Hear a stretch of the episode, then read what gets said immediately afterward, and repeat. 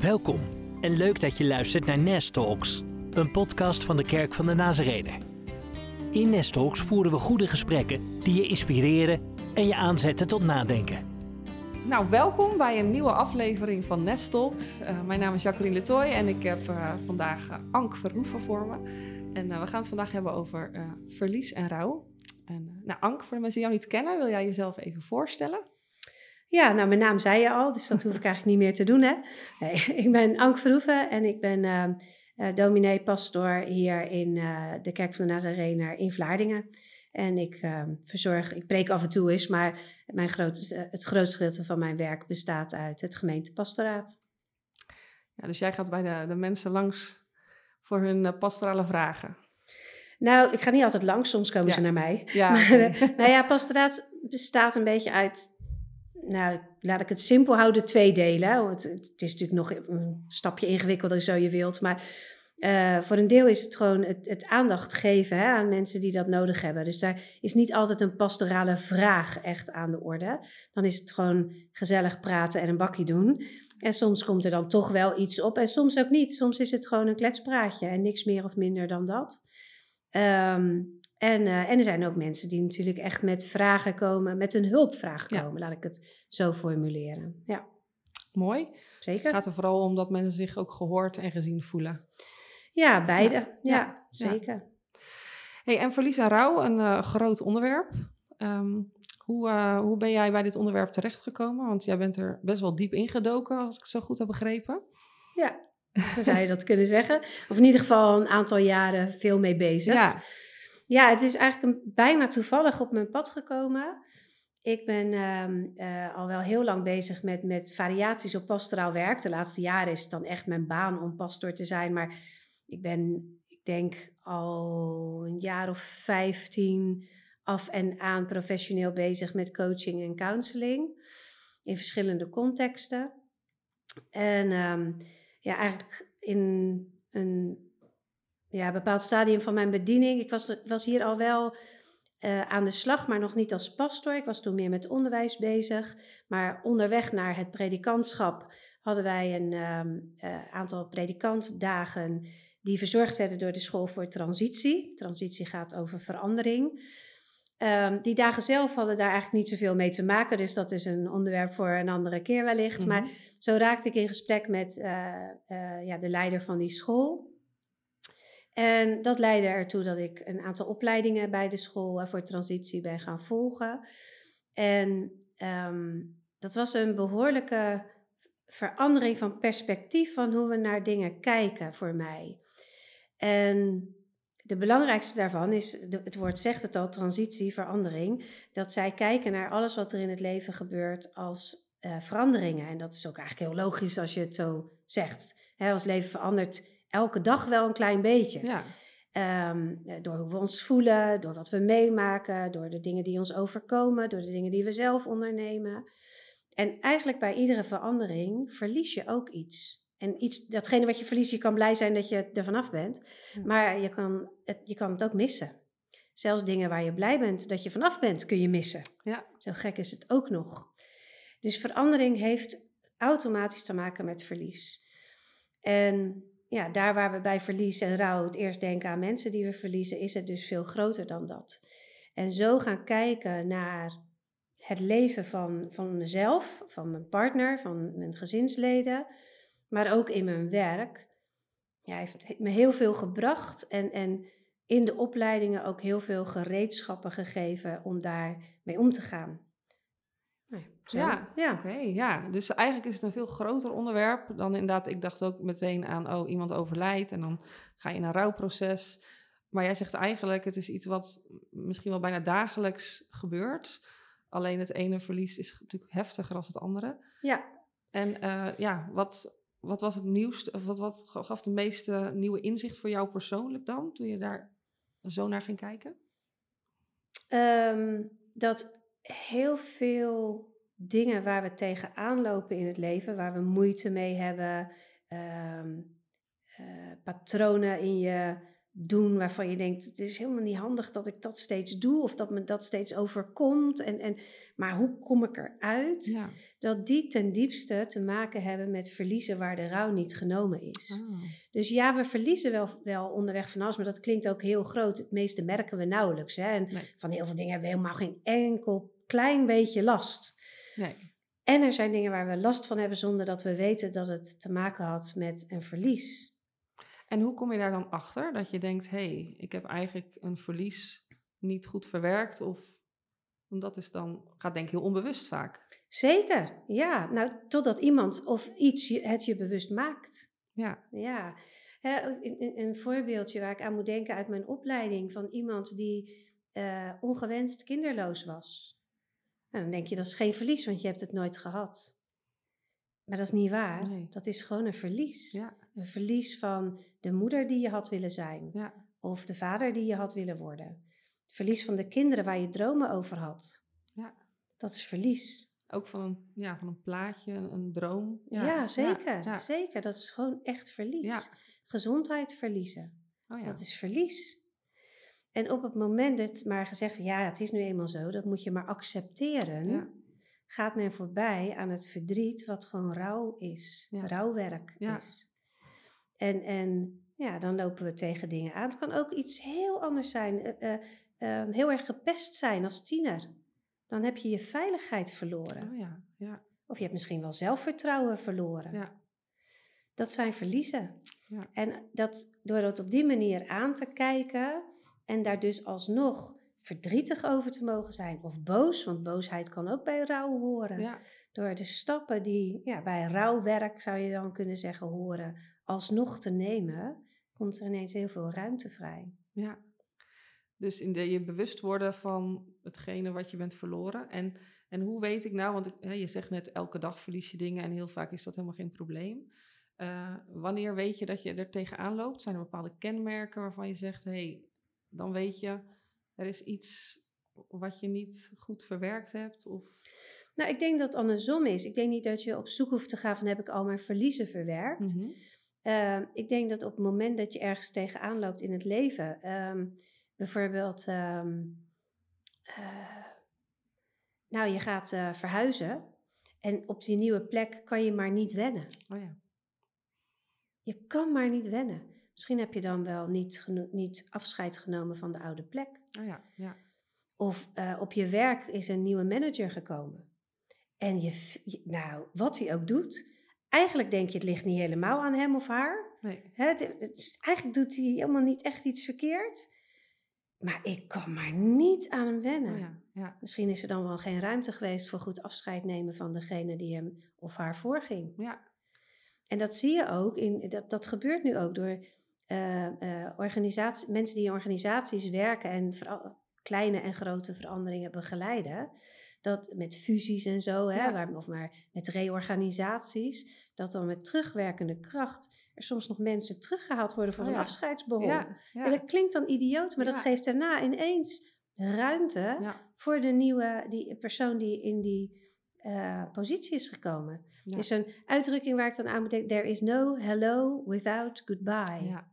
Er kan niet iets nieuws komen als er geen goed afscheid genomen is van iets anders. Dus eigenlijk heb je ook het belang van afscheid nemen heel erg ontdekt hierin. Zeker. Ja. Goed afscheid nemen. Ja. ja. Ja. dat is ook in mijn werk die, een vraag die ik heel vaak stel.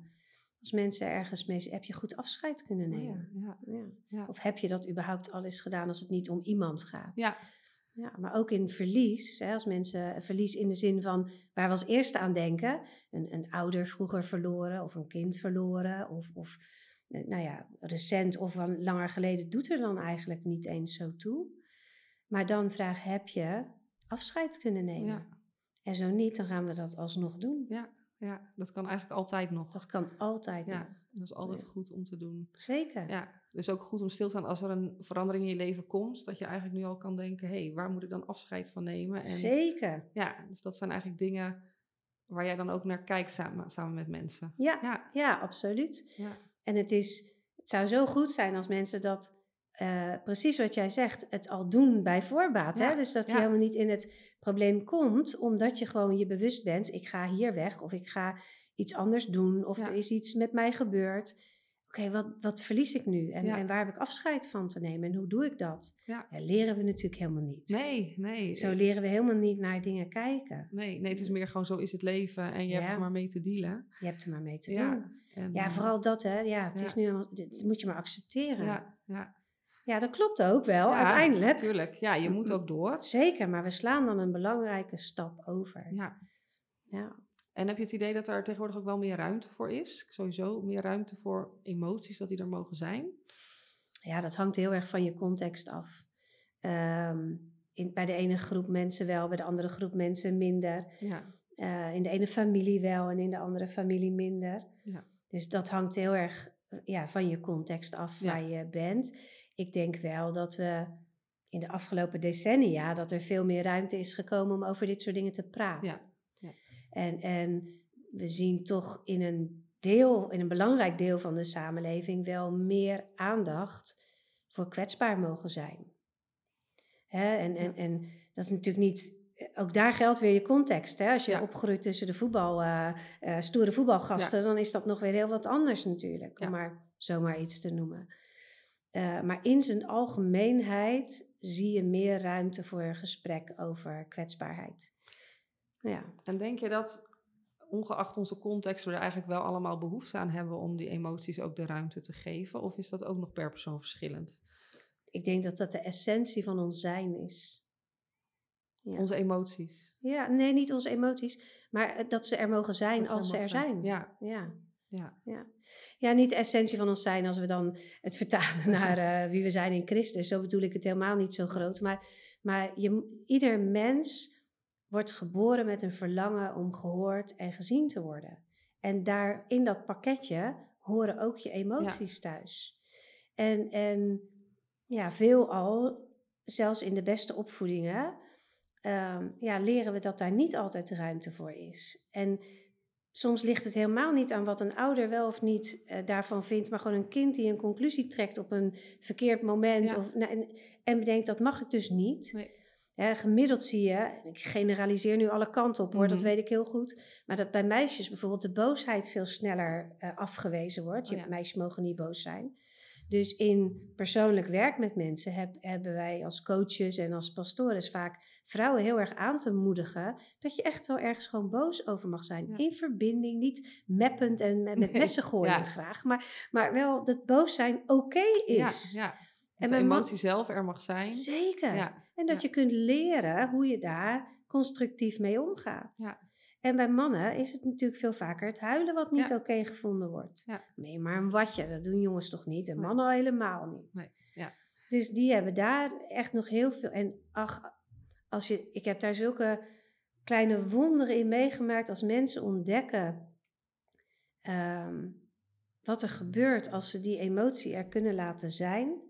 En als ze dat in verbinding kunnen brengen en, en constructief kunnen voelen en daar wat mee kunnen doen, nou gaan werelden voor mensen open. Dat is echt prachtig. Ja. Zo belangrijk is dat dus ook, hè? Dat, we, dat dat er ook mag zijn. Zeker, ja. zeker. Ja. En ook in de taal van rouw en verlies. Ja. Hè, want of iets nou terecht is of niet, je kan gewoon boosheid voelen. Ja, als het voor jou zo is. Ja. en, uh, ja dan, dan, is het, dan is het jouw werkelijkheid. Zeker. Ja, en dan, uh, ja, dan mag je daar, ja, dan mag het er zijn. Dan mag dat er, ja. nee, sterker nog, dan moet het er, dan moet het er zijn. Ja.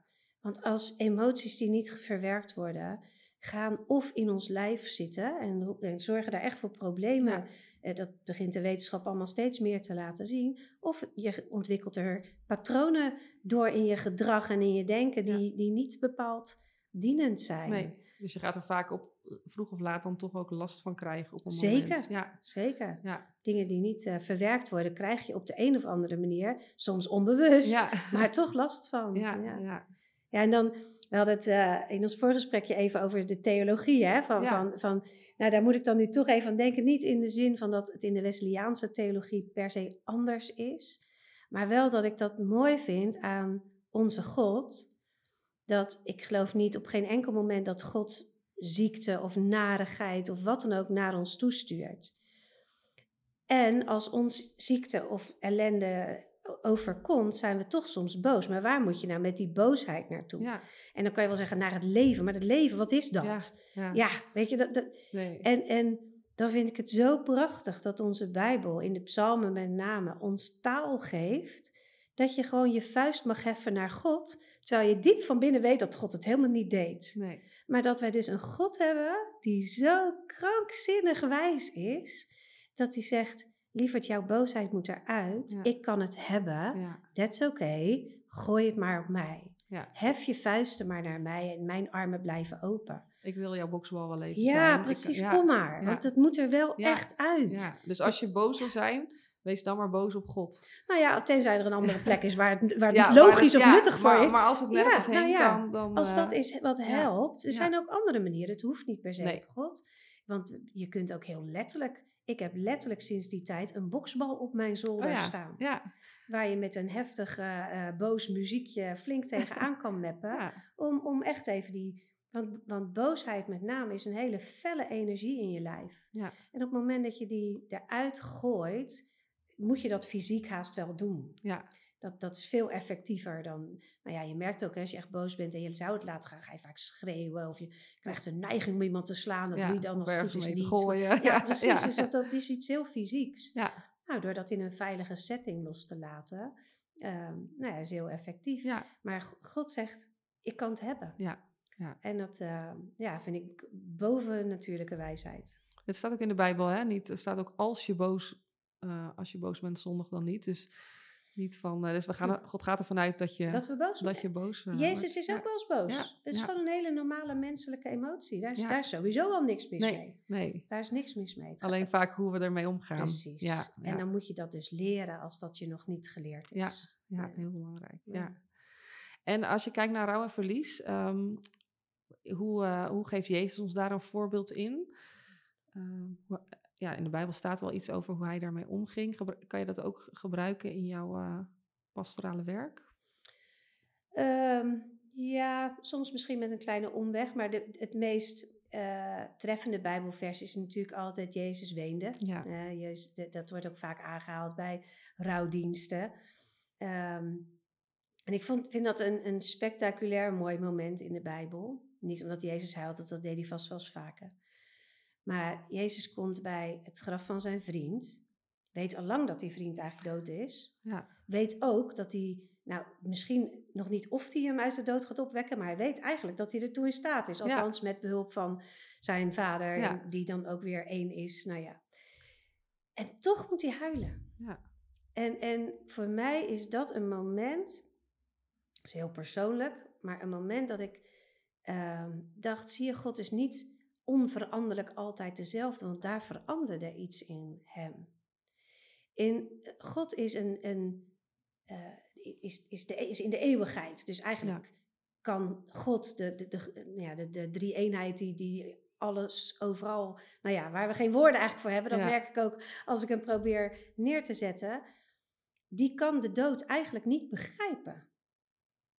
Want hij kijkt er altijd overheen. Hij kijkt er altijd overheen. Hoe moet God nou dood begrijpen? Want, want iemand is er voor en iemand is er na. En er is eigenlijk alleen maar nu waar hij is. En, of in zijn wezen. En dus dat kan eigenlijk niet.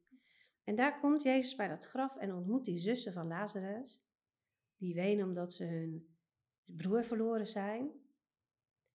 En dan, ik stel me dan zo voor, ik vul het in natuurlijk, maar ik stel me dan zo voor dat Jezus dacht, zo voelt verlies dus aan de dood. Ja. Zo voelt dat dus. Ja. Omdat hij echt mens werd. Omdat hij ook echt mens was. Ja, voelde hij het voor het eerst zoals wij het voelen. Dat denk ik. Ja. Ja. Dat denk ik echt. Zo stel ik me dat voor. En misschien ook geen gelijk, maar dat maakt nog niet uit. Nee, maar, dat is natuurlijk wel een beetje wat Jezus ook, doordat hij mens werd, kunnen we nooit zeggen, ja, God, u zit daar lekker hoog in de hemel en u heeft geen idee. Jezus heeft het echt aan de lijve ondervonden. En, en daar is iets, moet in zijn wezen veranderd zijn. Ja. Want zo voelt dat dus voor mensen die niet over die grens van de eeuwigheid heen kunnen kijken. Ja. Ja, dus daarin denk ik dat Jezus ons laat zien dat je dan dus echt wel mag huilen. Ja. Dat je mag rouwen. Ja. En tegelijkertijd laat hij zien dat dat niet het einde van het verhaal is. Nee, dat er ook altijd weer dat het verder gaat. Dat het verder gaat. Ja, en, ja, en, voor de meeste hier nog niet zoals de opstanding van Lazarus toen. Helaas niet, nee. dat niet. Ja. Maar er is, uh, ja, de dood heeft niet het laatste woord. Nee, nee. En dat is natuurlijk een grote troost die we dan als, Zeker. als christenen hebben. Merk je ook dat mensen daar ook echt troost aan beleven? Zeker. Ja. Ja, nou ja, alleen al natuurlijk omdat de meesten, zeg ik wel heel bewust, daardoor niet bang zijn voor de dood. Misschien voor het moment, hè, van zou het pijn doen of zo, ja. maar niet voor het dood zijn. De meeste mensen die ik uh, soms begeleid naar de dood toe, of in ieder geval waarmee de, die oud zijn en waarmee de gesprekken daarover gaan, zijn niet bang voor die andere kant van de werkelijkheid. Ja. En, en uh, dus daar zit zeker troost en hoop, maar ook voor de achterblijvers is dat natuurlijk zo. Ja. En, en zelfs al kunnen we ons toch ook weinig voorstellen bij hoe dat dan is en, en wat daar is en of het er al meteen is of pas uh, in de voleinding der tijd. Daar kan ja. ook de discussie nog wel eens over ja. gaan. Maar er is één punt waar nooit de discussie over gaat. En dat is dat het daar goed is. Ja, dat God daar is. En dat God daar is. Ja. En, en, en ja, dat, natuurlijk vinden we daar uh, hoop en troost in. Ja. En wat zijn de, de. Waar worstelen mensen het meeste mee als het gaat om, om rouw en verlies? Of misschien als het gaat om de dood? Um, met het feit dat er niet goed afscheid is genomen. Oké, okay, ja. ja. En dat is ook eigenlijk altijd de sleutel.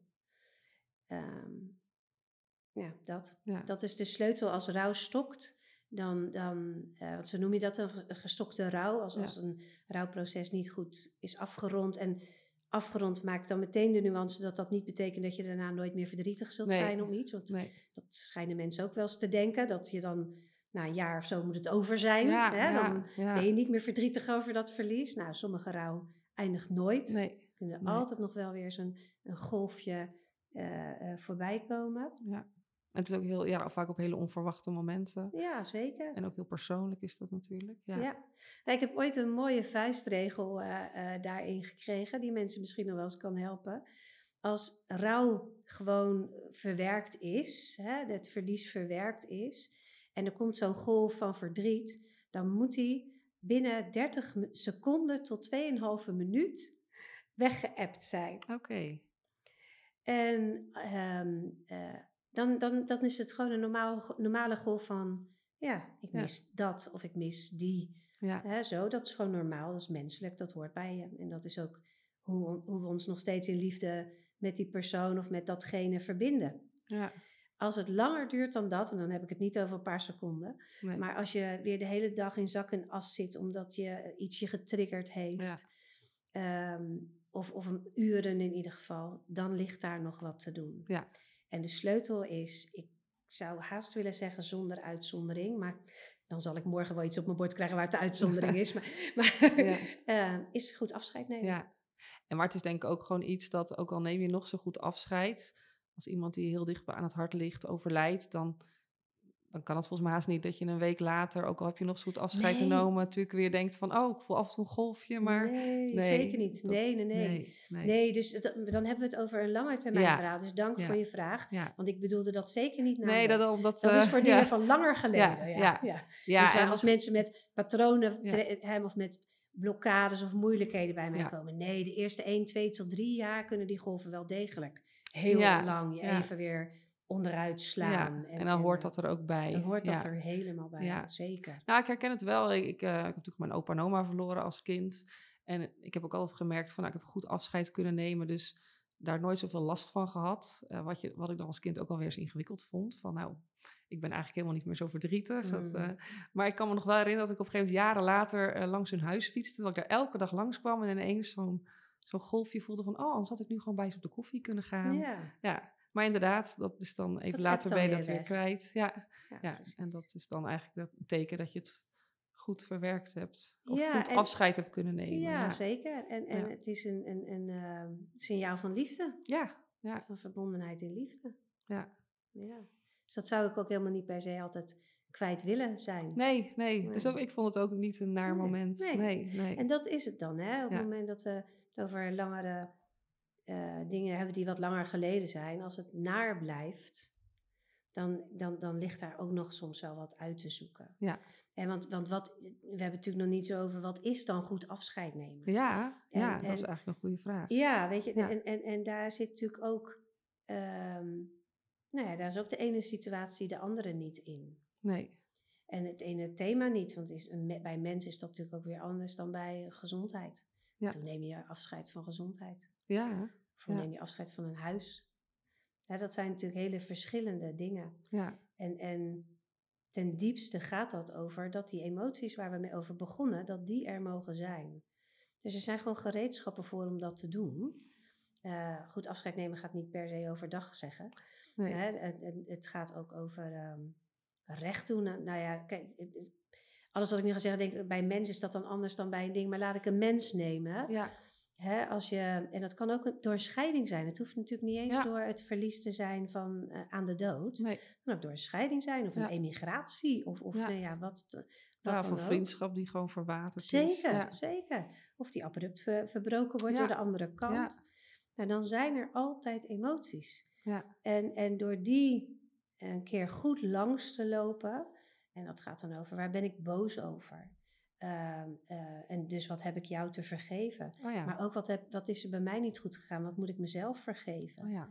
Ehm, eh, wat neem ik mee? Wat heb ik, wat heb ik hier aan, aan, van geleerd of aan overgehouden? Of welke herinneringen die zijn me dierbaar? Wat, wat, wat, wat neem ik mee uit dit hele gebeuren? En wat wil ik achterlaten? Ja.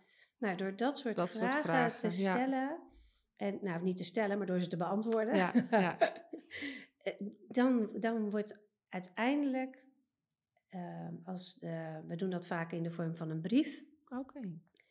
Aan het einde van die brief moet je kunnen zeggen, nou, alles wat echt belangrijk was om gezegd te hebben, uh, is gezegd. Ja. En dan kan er een punt achter. En dan bedenken we vaak nog een mooi ritueel om het echt af te sluiten. Dat ontstaat dan ook vaak. Dat is heel verschillend. Ja, net aan wat er bij die persoon past. Ja. En, en waar, waar, je afscheid van hebt te nemen. Ja. En, en uh, dat, zijn, uh, ja, dat ontstaat eigenlijk altijd heel organisch. Gewoon ja, maar het is belangrijk dat het een soort ja, moment echt is in de tijd. Dat je zegt, nu neem ik heel bewust de tijd om dit... Ja, om hier afscheid van te nemen. En, en alle emotie daarbij komen kijken, die laat ik bestaan. En, en dan, dat is een manier, als je merkt, hey, ik moet nog ergens afscheid van nemen, dan dan is dat een manier om dat te doen. Ja, zeker. zeker. En altijd goed om daar misschien ook hulp bij te vragen. Je hoeft dat niet in je eentje te doen. Dat kan wel, denk ik, maar het hoeft Het kan zeker. Um, en, en er zijn um, ook wel wat boekjes die je daarbij kunnen helpen. Die kunnen we er nog uh, onder zetten, geloof ik, hè? Ja. Onder de podcast. Dus er zijn wel wat titels. En nou, als je denkt dat je het, dat, dat alleen oké is, dan kan, kan, dat kan zeker geen kwaad. Ja wij zijn wel mensen die. Um, wij zijn niet bedoeld om alleen te zijn en alleen dingen te doen. Ja. Dus het kan geen kwaad en leef je uit. Maar um, als de mogelijkheid er is om het met iemand te doen, um, onze emoties vinden het fijn als ze getuigen zijn. Ja, om, dat je het kan delen. Precies, om gezien en gehoord ja. te worden. En al is het maar door een, een vriend, vriendin ernaast te zetten en die brief voor te lezen. Ja. Maar zodat die emoties hardop gezegd zijn. Ja, ja. en dat iemand ze gehoord heeft. En dat iemand ze gehoord heeft. Ja. Dat, uh, ja, dat doet wel, dat gaat vaak en toch nog net een laagje dieper. Ja, dus het is eigenlijk beter om het niet alleen te doen. Ja, ik vind het altijd een beetje spannend, want misschien voor de één persoon is het, eh, hè, als iemand zegt ik vind dat heel fijn. Maar er zijn goede redenen om het wel samen met iemand te doen. Ja, zeker. zeker. Ja, ja. Nou, ik denk dat dit al heel veel uh, informatie is en uh, ja, heel waardevol. Iets meer, een breder beeld heb ik in ieder geval gekregen over uh, rouw en verlies. Ik denk altijd meteen aan inderdaad iemand die is overleden, maar het komt dus bij veel meer dingen kijken. Dus dank je wel. En in het tweede deel gaan we er uh, dieper op in nog. Nou, dank je wel. Bedankt voor het luisteren. Wil je meer weten over de Kerk van de Nazarener? Kijk dan op www.kvdn.nl. Heb je nog vragen naar aanleiding van dit gesprek? Stuur dan een mail aan nestalks.kvdn.nl